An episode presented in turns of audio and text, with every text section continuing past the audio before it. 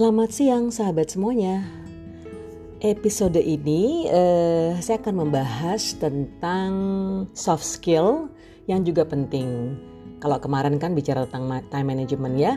Kalau sekarang tentang presentation skill, jadi kecakapan untuk melakukan presentasi.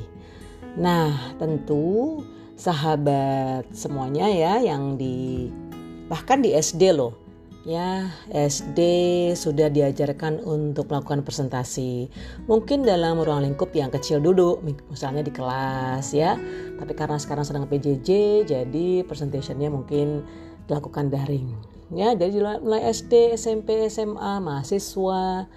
Terus ketika kita sedang bekerja ya being professional juga terbiasa atau dibiasakan untuk melakukan presentasi Nah, kemampuan presentasi ini tentu erat kaitannya dengan kecakapan atau kemampuan public speaking. Tapi kalau bicara public speaking nanti di episode yang lain ya. Jadi eh, pagi ini eh, saya ingin cerita atau ingin mengajak sahabat semua untuk berlatih terus memiliki kecakapan presentasi. Karena penting banget ya, baik itu personal maupun profesional. Yang pertama harus dilakukan adalah kita paham. Pertama kita paham dulu. Paham akan topik ya atau bahasan yang memang akan kita sampaikan. Jadi kita pahami, kita catat, kita cari sumbernya ya dari mana pun. Dari online, dari textbook, dari seminar, dari hasil wawancara dan segala macam. Jadi paham bahasan yang akan kita presentasikan. Lalu yang kedua, kita juga mempersiapkan alat apa ya atau medium apa yang akan digunakan untuk presentasi.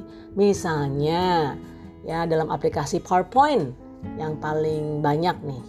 Ya, kita create, kita mencoba untuk mendesain suatu uh, apa namanya ya uh, PowerPoint ya katakanlah misalnya kalau durasi presentasinya adalah 10 menit, ya tidak lebih dari 20 slides. Karena kalau tidak jadi kurang waktu dan kurang dalam ketika memaparkan. Ya langsung teknis saja, sudah kita membaca, sudah kita buat poin-poinnya, apa yang akan kita presentasikan dalam secari kertas atau ditulis di laptop juga boleh. Poin-poin ya, poin-poin besarnya seperti outline-nya. Lalu yang kedua, kita mengkreasikan bentuk apa dalam media apa kita akan presentasi. Dalam hal ini katakanlah PowerPoint presentation.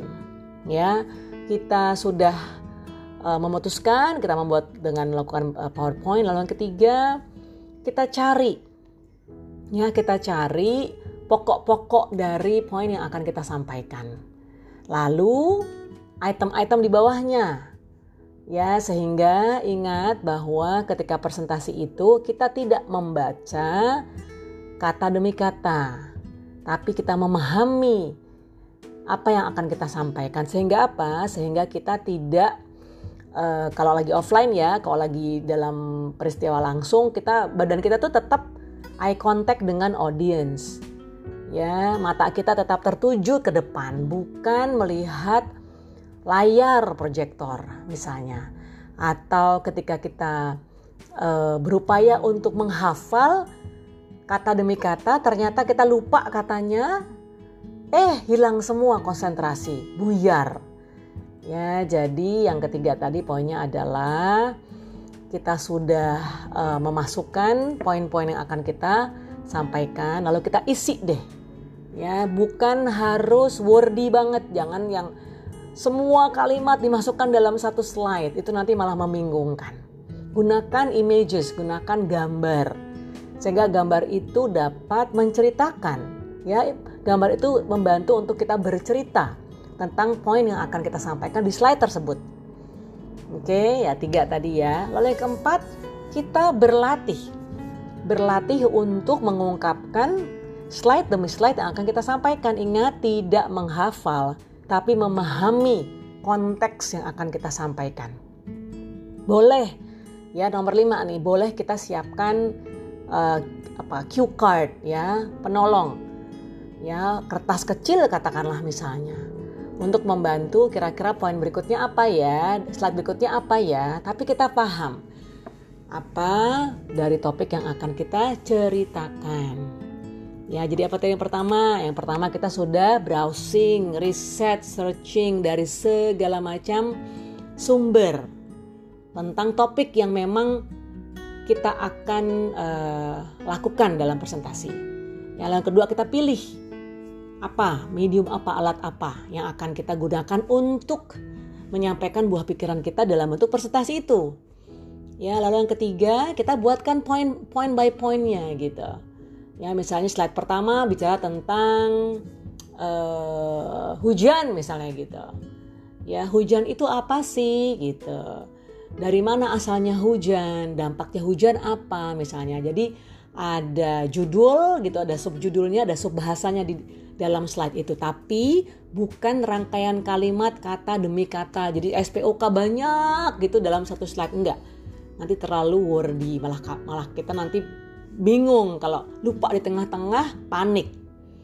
Ya, jadi yang keempat gunakan visual aids, gunakan uh, alat peraga. Misalnya misalnya kayak gambar gitu ya, banyakin gambar di uh, slide tersebut sehingga membantu kita untuk menerangkan topik yang sedang kita bawakan. Ya, yang kelima memang latihan. Latihan terus lakukan eye contact. Ya, tidak membaca word by word dan tidak miring-miring ke, ke kanan ke kiri misalnya ya karena kita terpaku pada tulisan yang sedang kita baca ya jadi memang presentation skill itu erat kaitannya dengan public speaking nanti di episode uh, yang lain kita akan bahas tentang keterampilan yang wajib kita miliki sebagai individu untuk cakap melakukan presentasi ya jadi ingat bahwa kita memahami topik yang akan kita bawakan sehingga kita lakukannya rileks saja ya santai tapi memang menguasai seperti itu.